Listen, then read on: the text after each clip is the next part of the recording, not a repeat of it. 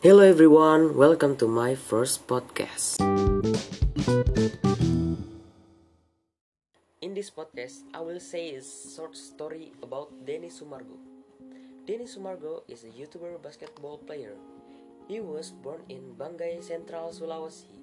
When he was 14 years old, he walked out of the house because he, ha- he was having problem with his parents. At that time, he went further and finally found the bus park at the bus stop. After that, he was able to survive with the help of the bus driver. And at the same time, he was pursuing a sport in karate.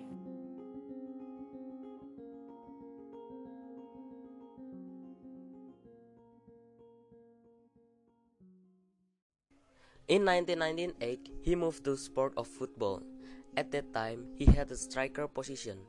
He too enjoyed speed battle with opponents back. In 1999, Denny Sumargo got to know the sport of basketball. At that time, he thought it was very difficult because it's so hard to enter the ball into the ring. In the same year, he joined the Viking Makassar club to pursue this basketball sport. In 2000, he moved to Jakarta to pursue a career in basketball. When he was in Jakarta, he joined the Aspac club. While at the Aspac club, Denny did more training than the official Aspac club training. After doing a lot of practice, he finally got the medals Rookie of the Year 2001. In the same year until 2007, he got the opportunity to play in the national team. In 2004, he joined the Satria Muda club, but at that time he was recovering from his injury. When he was with Satria Muda, he won the IBL 2006 and the IBL 2007.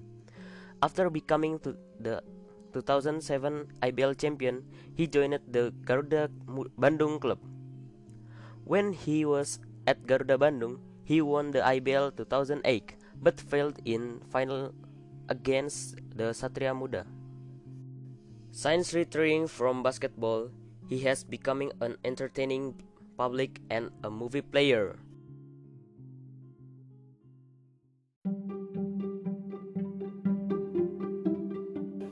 And that's it a short story about Denny Sumargo.